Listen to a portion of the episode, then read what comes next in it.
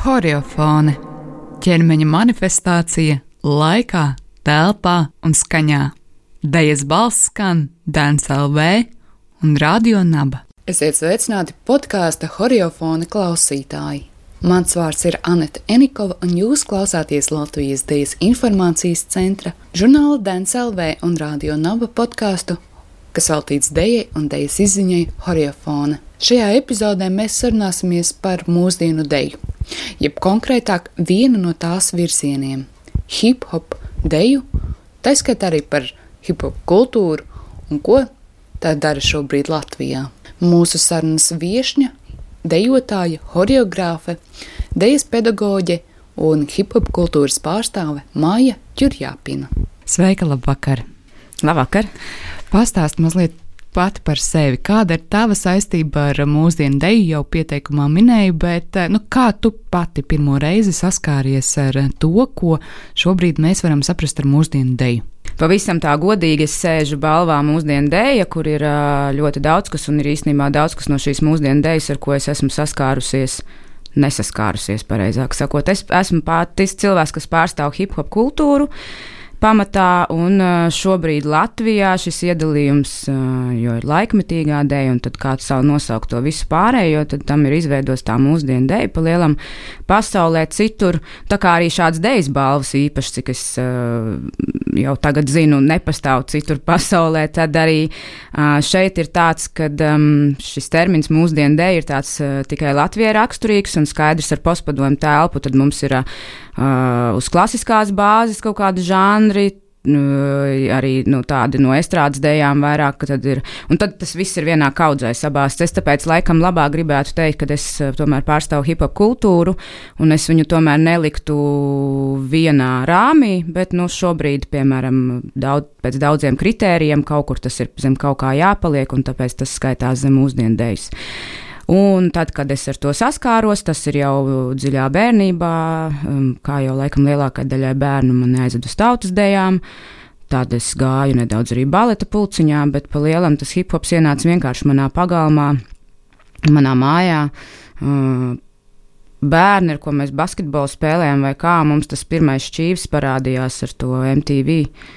Un, un arī kādi ieraksti, kas kaut kur gāja, un skaidrs, ka sākās viss ar populārākiem ierakstiem, un tad jau aizgāja dziļāk. Ja šobrīd skatās uz arī citiem dejas virzieniem, laikmetīgā deja, balets, skatu visu kā tautas deja, nu, tad viņiem ir ļoti, ļoti senas saknes gan Latvijā, gan ir izveidojusies izglītības sistēma, gan tas ir nācis no tautas.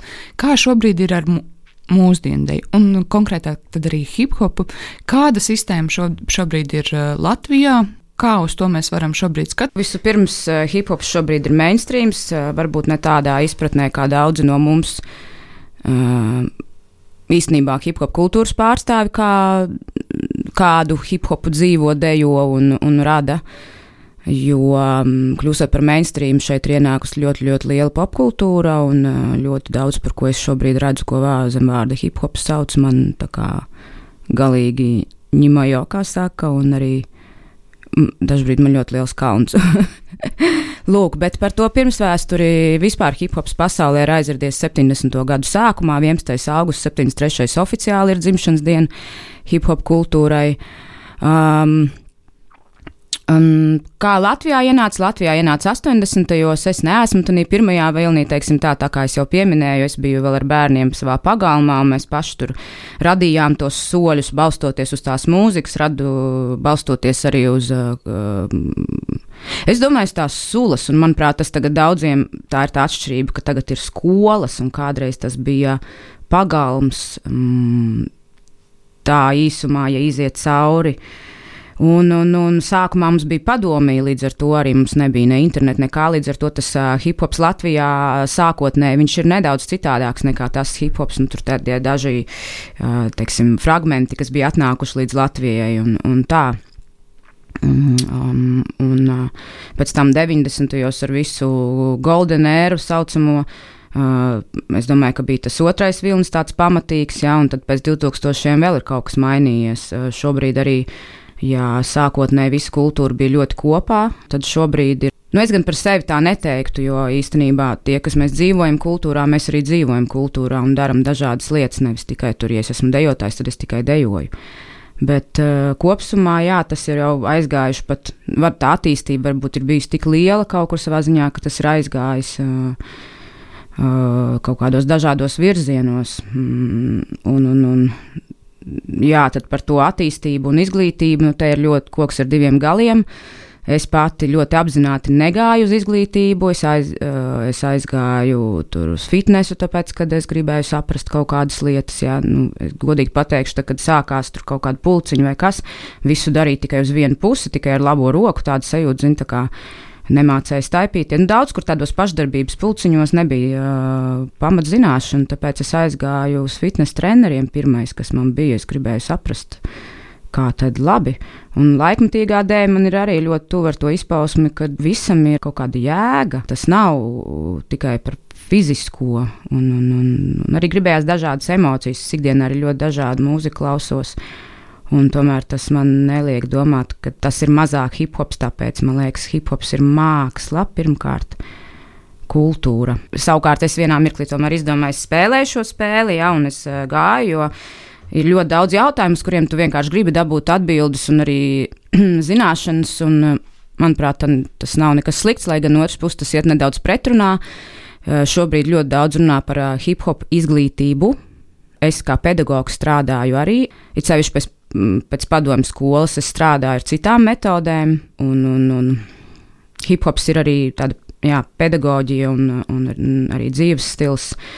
Un īstenībā tāds pēc tādas filozofijas un esences viņš īsti neiedaras tajā izglītības programmā. Tāpēc es saprotu daudz, kas izglītojas citādos veidos. No vienas puses, domājot par hip hop, tā ir uh, ielu māksla. Tai būtu jāattīstās uz uh, ielas pagalmos.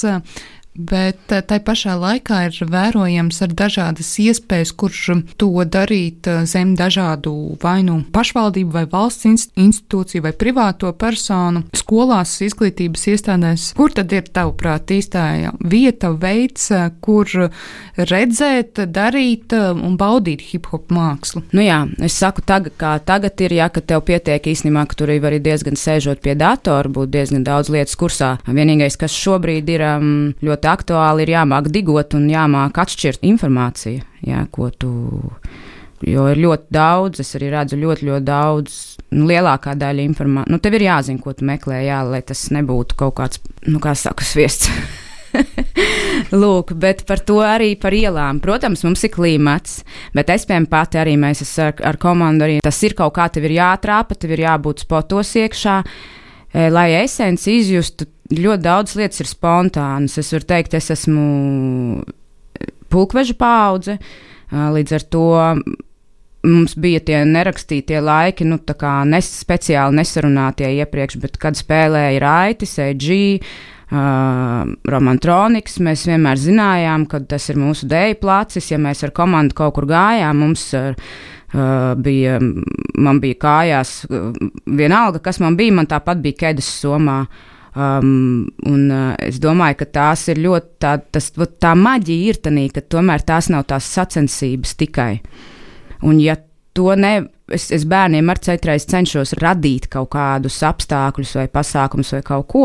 Un tagad es esmu īstenībā ļoti pateicīga, ka mums tikai ārā jātrenējas, jo breiks ir sports arī oficiāli atzīts. Agrāk man bija tā, ka es varētu vest ārā, es viņus arī veidu ārā, bet, piemēram, ziemas laikā sniegā Nu, man vecāki noteikti mani tur noliktu. Ja? Bērnu vecāki par to, ka es tagad saku, mēs ejam ārā trenēties. Spānijā, jā, tas notiek visu caur gadu, lai gan arī ir, bet viņiem arī ir tieši tāpat kā Vācijā, kad tas bija. Viņiem ir zem pašvaldībām, parasti ir kaut kāds viens cilvēciņš vai kas, kaut kāda atbildība, kas saņem naudiņu no šīm valsts struktūrām, un vispārējie nāk bez maksas. Nu, mums tā nav.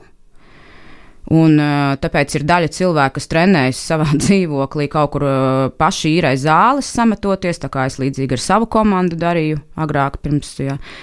un, un ļoti liels ir šis bērnu skaits, kas nāk uz pie trenera, uz skolām ar um, Nu, tas ļoti ir pamainījis, protams, arī visu scēnu. Par ko sapņo mazie hip hop dejotāji? Par uz kādas skatuves viņi varētu nokļūt, vai tās ir sacensības, vai tās ir izrādes, vai kas ir tas, uz ko viņi varbūt iet, vai tas ir vienkārši dzīvesveids. Nu, sapņi, es domāju, ka katram ir uh, citādāki par šo hip hop izglītību. Pats galvenais ir um, tā esence, manuprāt, kāpēc bērni nāk un par ko viņi sapņo. Viņi, protams, viņi grib uh, iemācīties, bet Viņi nāk galvenokārt tāpēc, ka vienkārši viņiem patīk. Viņiem patīk, kā tas izskatās, viņi grib arī tā, viņiem patīk mūzika, un tas ir viss. Diemžēl, ienākot lielākā daļā šo skolu, jo mums tā sistēma ir tāda, kāda ir mūsu valstī, lai, piemēram, tu spētu izdzīvot, tad tev ir jāiet tur tādi, tādi, tāds, tas tāds status, citāds status, citāds, un tad tu vari arī kā biznesa, teiksim, tā pastāvēt un maksāt darbiniekiem normālas algas. Bet tā otra puse šai monētai ir tāda, jā, ka tie bērni Viņi atnāk, viņiem patīk, kā tas izskatās, kā tas izskatās klipos. Eh, līdz ar to skolē jāatskaitās vecākiem, vajag medaļas un diplomus.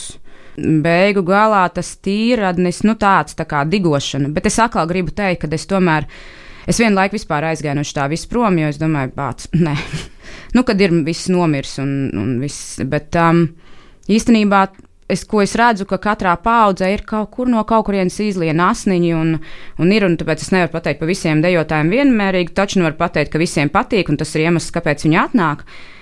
Es domāju, ka tas ir arī pedagoģa darbs aiznest to informāciju, bet tiešām nu, tas, ko es tagad redzu, un ko mēs cenšamies kaut kā arī mainīt, kad atnāk, tāpēc, ka patīk forma, tāpēc, ka patīk skaņa, patīk, kā izskatās, bet saturu īsti. Un tad um, ļoti daudz pedagoģi māca kustības tikai, nevis saturu. Un arī es tiešām ļoti lauzu galvu, kā lai tam bērnam, kā viņam ir iespēja, piemēram, aiziet uz to sociālo kaut kādu pasākumu un sociālā vidē, uz ielas kaut ko radīt vai tā. Nu, tikai veidojot tās viņu pašu. Tā kā tu kā pedagogs vari tikai mudināt, ka viņi, viņiem ir kaut kāda sava, pro, provocēt kaut kādas savas iniciatīvas, lai viņiem tas rodas, un arī sevišķi visos četros elementos, ne tikai idejā. Četri elementi ir um, dēja, jeb breaking, breaking ir pirmā dēja, un uh, breaking ir pareizi teikt, break dance, kā daudzi zina zem šī vārda. Tas ir komerciālais nosaukums, kas ir radies 80. gados, kad šī ideja parādījās visos TV šovos, filmās un tā tālāk, un tad breakdance, breakdance. Bet, nu, Tie, kas ir kultūrā, sauc, un arī pirmsākumā tas saucās breaking. Otrais elements ir uh, DJs, DJing, jo hip hop kultūrā arī ļoti attīstījās. Gan, gan izveidojās šī spēle uz divām, divām platēm, un breaks no, no, no, no šīs muzikālās starpsēles arī nāk nosaukums breaking uh, un b-boys, b-girls. Uh, tie, kas dejo šajā uz šīm muzikālām starpspēlēm. Trešais ir MC, MC Master of Ceremony jeb reperis mūsdienās, bet ir bišķiņa atšķirības starp viņiem. MC pa lielam ir ļoti kā, ietekme arī mācītāja runas sprediķa, jo tas ir cilvēks, kas iekustina pūli. Mūsdienās ir reperi, kas vienkārši tikai ieraksta albumus. Kad reps sākās pa lielam, tas bija tikai freestyles un tikai pūlim. Lūk, un pēdējais ir grafitī. Un, tas kādreiz bija pilnīgi neatdalāms Nu, es gan teikšu, man joprojām, jo nu, nav tā gluži varbūt, ka manos treniņos kāds grafitī pūš, bet nu, īstenībā arī tā ir. Bet lielākoties tas ir jāatdalījies visā pasaulē. Um, minēji, tev ir pašai nu, divas tās jomas. Viens ir šis pedagoģiskais darbs, otrs ir arī dažādas um, pašas iniciatīvas un komanda, ar kuru tu strādā. Kā ir ar uh, šo te uh, tavas um, komandas darbu? Kas ir tie darbi, ko jūs veidojat, vai tas ir arī um, dalība sacensībās, tas ir um, izrāža formāts. Kas tas ir, ko jūs darat paši? Nu, man ir bijušas, nu, es varētu šobrīd teikt, ka man ir bijušas divas komandas, un, uh, diemžēl, tas, kas notiek arī Latvijā, bet tas mainās. Tas mainās visā pasaulē, kad, piemēram, man hip hops ir devis darbu. Man pirmā komanda ir nevis izjukusi, bet viņi ir aiz, kur, nu, kurais aizbraucis. Mēs joprojām komunicējam, mēs joprojām uh, sazinamies un tā, bet mēs netrenējamies kopā un neko nedaram kopā tādā ziņā. Ja tur kādreiz kāds pie kāda aizbrauc ciemos, tad patrenējās kopā, bet lielam mēs neko neradām kopā. Tāpat arī man otra komanda ir diezgan palikusi, bet mēs tāpat arī komunicējam. Komanda es tā kā vairāk arī saku, ka ik pa laikam uzrādās, nu, ir cilvēki, kas ir vienkārši savēji, un tad ik pa laikam kaut kas ir bijis tā, ka jā, mēs eh, braucam kaut kur uz ārzemēm, un arī Latvijā te ir kaut kāds pasākums vai kas, un tad mēs tur pamatīgi gatavojamies, taisam tur kaut kādus šovus, tad mēs taisam, jā, arī um, ir, ir taisīts arī izrādes formāts, un um, ir taisīti kaut kādi temati tematiskie. Nu, īsāk sakot, jau parasti jau ir komanda, vienkārši ir laiks un vieta, kur jūs tiekaties, un tad nāk kaut kādi projekta piedāvājumi, un, un, un daudz no tiem uh, džemiem uh, tādiem, kad rodas spontāni arī kaut kas, bet viņš arī uzreiz aizplūst. Nu, pa lielam uh, tas ir ļoti dažādi. Un, um, Citreiz mēs esam braukuši uz kaut kādu pasākumu, tur kaut, kaut kur paliek pa nakti, kaut kādā skolā. Viens izvelk ģitāru, cits atrod klavierus, trešais uh, sāks iztritmu, un mēs uh, vienkārši džemojam. Un kaut kā tā, tas priekš manis ir komanda, un īstenībā es tagad tā pēdējā laikā tieši. It sevišķi tagad, uh, Covid laikā, es ļoti izjūtu to, ka es cilvēki, ko es neesmu gadus satikusi. Un es no tā tiešām, jā, ka tas sacensību forma, priekš manis hip hops ir komanda, un tas nav Tas nav tādā definīcijas veidā, bet tas ir tas cilvēku kopums, pie kam tas nenozīmē, ka viņi visi ir dejotāji. Tas ir mīts vai patiesība, ka dejotāji, kas, eh, un ne tikai dejotāji, nu, bet šoreiz par dejotājiem pievēršas eh, hip hopam, ir jauni, jaunieši, varbūt pat vēl bērni, bet um, kā ir? Vai tā tas tiešām ir? Nu, viennozīmīgi. Hip-hopu veidoja, es jau, kad pie manis nāk bērni, kuri skatās, un tagad, nu, tagad skolotājs man visu rādīs. Un es saku, bet jūs saprotat, ka jūsu vecumā arī to kultūru izveidoja tādu pašu kā jūs. Jūs arī esat hip-hops. Ko tu man parādīsi?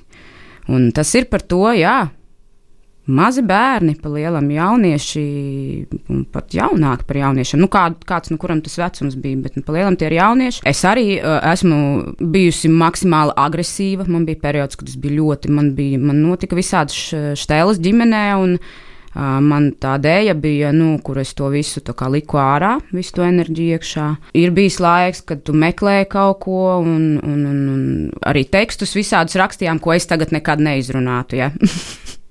skaidrs, lāmu vārdi, ballītes. Es gan teiktu, ka arī breika pozitīvā puse ir tāda, kad es atceros, mēs gājām kaut kur. Uh, ja mēs ejam tev tās botas līdzi vai kā, un tu nedrīkst piedzerties, kamēr tu neesi izdejojies aplīt. Kā, kaut kādā veidā tas arī lika mums lietot alkoholu mazāk nekā citiem. No, nu, tāds pozitīvs šīs mākslas un kultūras veida ietekme uz jauniešiem. Kas varbūt šobrīd ir šo, strādājot ar šo virzienu, tev pašai vislielākie izaicinājumi? Nu, lai es nepalieku par vecu skolotāju. Man ir tāds, ka um, es vienā mirklī piefiksēju par to, ka es eju.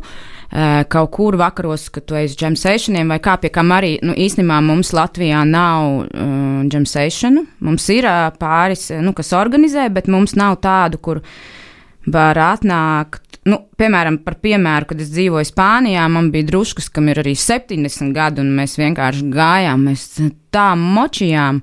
Un tā sociālā dēļa Latvijā viņa kaut kā bišķiņa izpaliek. Laikam vissociālākā dēļa ir tautas dēļas, tās zaļumbālas un tā tālāk, bet savukārt citos žanros tas viņš tāds bišķiņ tā kā izpaliek kaut kā tā. Un katru reizi, kad es kaut kur aizgāju, cilvēki jau zina, viņi jau gaida, viņi jau ir atraduši tās dienas un laikus, kad mēs parādāmies. Un tad bija tāds, kad jūs dejosiet, nu, jūs dejosiet šodien. Un vienā mirklī es sapratu, ka es nogurstu darīt vienu to pašu. Patiesībā man interesē, es arī mūzikas skolā mācījos, es gribu ik pa laikam paspēlēt, es gribu ik pa laikam arī citā žanra mūziku paklausīties. Es sapratu, ka man ir kaivs sēdēt un skatīties, kā citi dejo vienā mirklī. Un man liekas, šeit ir, un šobrīd man arī ar to visu trako online laiku goda vārds.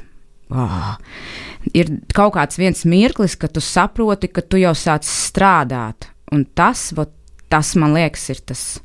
Kad, tāpēc mēs tagad atkal sākam kaut ko radīt, kaut ko citu, tā kā lai mums būtu tā saldā maize, kad es nekļūstu, kad es nekļūstu man par darbu, domās, kad es no joprojām kaifoju no tā. Un attiecībā, piemēram, uz jauno paudzi, um, pedagoģiskajā darbā, vai ir kaut kas tāds, ko tu viņiem arī gribi iemācīt? nu, tādā lielo ideju līmenī. Ne tikai kustības, ne tikai kultūra, bet. Um, Hip-hops jau arī pamatā sākās kā filozofiska doma, peace, love, unity and having fun.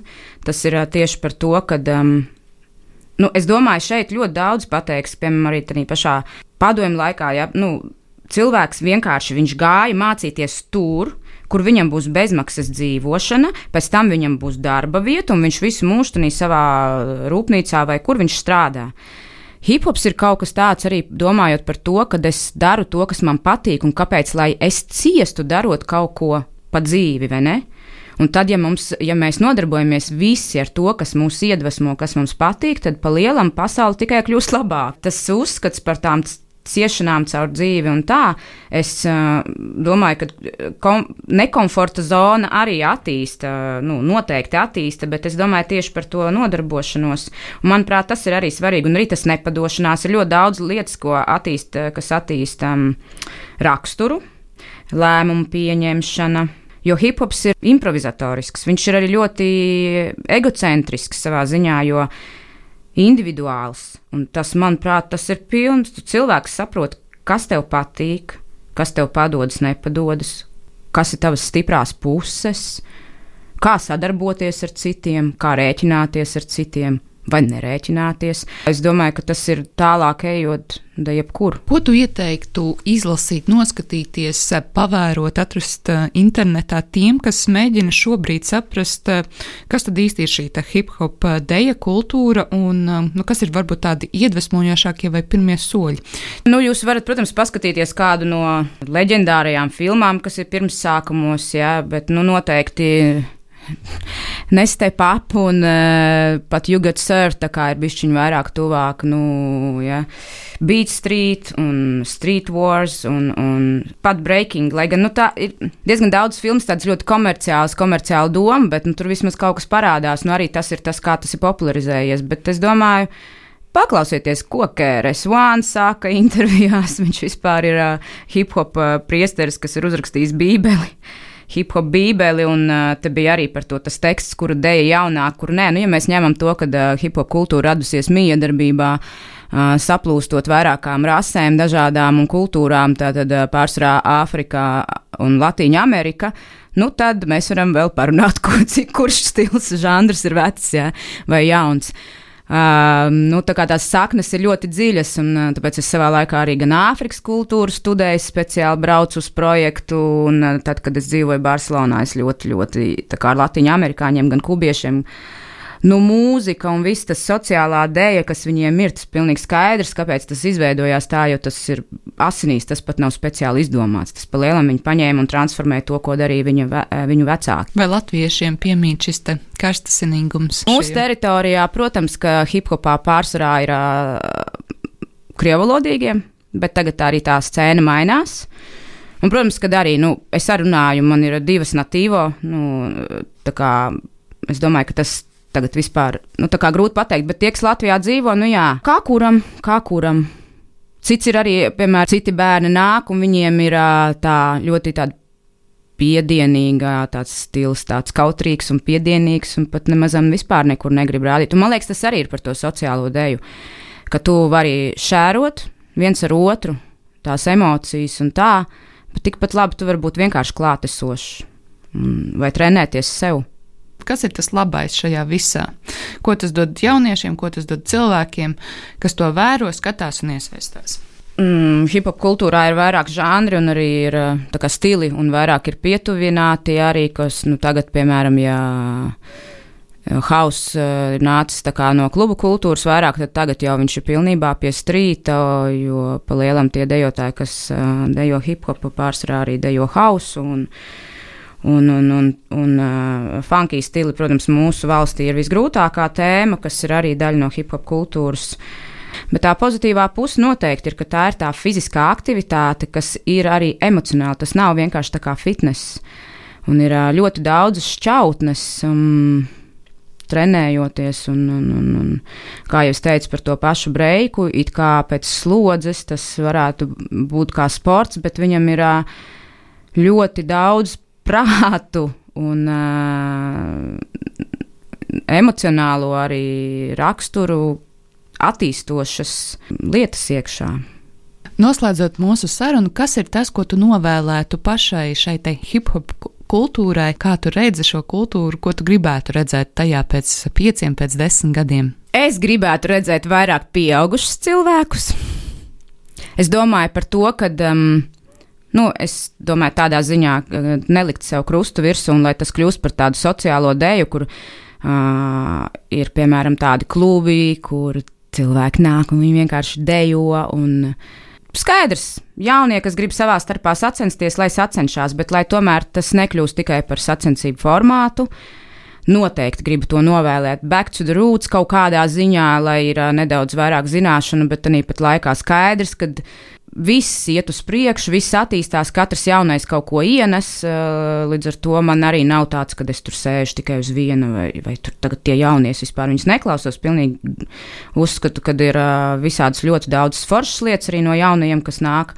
Un noteikti, nu, es novēlu hip hopam palikt par hip hopu, palikt uz sava, bet es, es īstenībā esmu tāds baigi pozitīvs cilvēks. Es zinu, es saprotu, ka uh, dabā ir harmonija, pastāv. Ir viens pretpols, ir otrs pretpols, un es tajā nesaskatu kaut kādu problēmu, kad ir kaut kāds mainstream puse un tad ir underground puse. Man liekas, ok, bet, nu, protams, ka gribētos, lai kaut kā, ja tu jau esi tam iekšā, tad laikam tas, tas knowledge būtu mans nu, novēlējums palīst dziļāk. Kā tu domā, kāpēc hip hops ir kļuvis tik ļoti mēns? Kāds ir tas tavs redzējums par šo nodalījumu? Nu, tas ir. Uh, arī kultūrā laikam diezgan zināms. Pirmkārt, tāpēc, kad eh, tad, kad tādā mirklī, kad tas sākas, nu, sāksim ar to, ka labi, mūzika ir ļoti izmainījusies. Ja, ja mēs tagad runājam par to, kas ir hip hops eh, mūsdienās, tad uh, hip hop kultūrā, nu, savukārt tas muzikālais skanējums bija pavisam citādāks, ja, un tas tomēr bija balstīts uz funka mūzikas. Mm, bet, uh, uh, jā, kad caur popularizēšanu tas kļuva vienkārši ļoti patīk. Vienkārši cilvēkiem ļoti tas patīk. Tā ir pirmā puse. Bet otrā puse ir politiskā puse, jo, nu, nu saprot, ir ļoti, ļoti grūti kontrolēt uh, tādus izpildītājus, piemēram, kā NWA, kas nu, radīja milzīgus pūļus ar protestiem gan par rasismu, gan par policijas darbu, ja, un kas īstenībā joprojām ir aktuāli. Un iedomājieties, ka tev ir tāda vara, tu izdod vienu albumu, kurš izdodas, un tā vara to redz. Nu, viņiem jau ar kaut kas ir jādara. Tāpēc viņi piešķir, ja kādreiz reperus negribēja Baltijā, nu, teiksim tā, bija kas gribēja un bija kas atteica. Es vienkārši negribu, jūs tur esat vandāļi, jūs lamājaties un tā tālāk, un tā tālāk, un vēl jūs cipā esat, ne, teiksim tā, nepārāk forši par Baltijiem runājat un tam līdzīgi. Ja? Tad ir pilnīgi skaidrs, ka, ja tu ieraugi, ka no šīs kultūras, nu, kaut kādi tādi, nu, kas, nu, skan muļķīgāk, um, ja tu viņus atbalsti, iedod viņiem naudu, finansējumu, lai viņi malacis, ej uzstājies un viņus bīdi, nu tad šī kultūra. Tā inteliģentā puse viņa sāk tādā visā pazust. Un mēs jau zinām, arī mūsdienās cilvēkiem, nu, kas ir topa pirmajās vietās, tagad arī ļoti daudz dziesmas, kas visiem ir viegli uztveramas, ar savu daļu, laikam, kaut kādu humoru vai prikola. Un, nu, tā kā tas patīk. Un tāpēc es domāju, arī šeit ir tas, kad, nu, kad ir tās tās divas puses. Viens, kad patika cilvēkiem kā tāds tas hip hops un arī tas protests un vispārējais, ja, tā pirmā doma, un pēc tam tā iepludināja vēl visu kaut ko citu. Es, ne, es, ne, es saku, es tur ne, ne par tur baigām sazvērstības teorijām, bet man šķiet tikai loģiski, tas arī normāli, kā rīkotos cilvēks, ko viņu ap, apdraud savā ziņā, kāda cita viedoklis. kas ir tēmas, kas, par kurām šobrīd runā hip hops un hip hop dēļ? Es uh, varētu teikt par tēmas, par ko runā community hip hopa, uh, jo arī tas, kas mums eh, Latvijā ir diezgan vāji attīstīts, jo ir vāji apmeklēts, bet savukārt pasaulē nu, ir diezgan daudz organizācijas, kas par šo cīnās, un tāpat kā mēs tagad sarunājamies, tieši tāpat tās veido visādas konferences, fórumus un tā tālāk. Piemēram, hip hop tagad tēmas ir sexual harassment. Ir uh, par, par rasismu, protams, arī par ģimenes vien, nu, tas, kas notiek arī tagad Latvijā. Tas arī ir viens no hip hop uzdevumiem. Uh, par vienlīdzīgām neuzspiešanu, kas ir ģimenes formāts, piemēram, tā, ja? uh, arī. Mm, mm, mm. Arī par izglītošanu īstenībā, un pats galvenais laikam arī ir par to mīlestību. Uh, kad, jo jo, jo hip hops arī ir, kā ir dažādi novirzieni, ir uh, bijis arī ļoti, ļoti agresīvs ļoti agresīvs, kā aizstāvoties un kā arī uzbrukot, bet nu, arī bez tās agresijas pa lielam jau arī nebūtu tāda tā nozīmīgums. Bet tas pats galvenais, kas ir tas, kad mēs to cīņas un tādu elementu mēs viņu transformējam pozitīvā lietā. Paldies, paldies par šo sarunu. Mūsu sarunas viesņa bija Maija Jurjapina, dejotāja, horeogrāfe, hip hop kultūras pārstāve.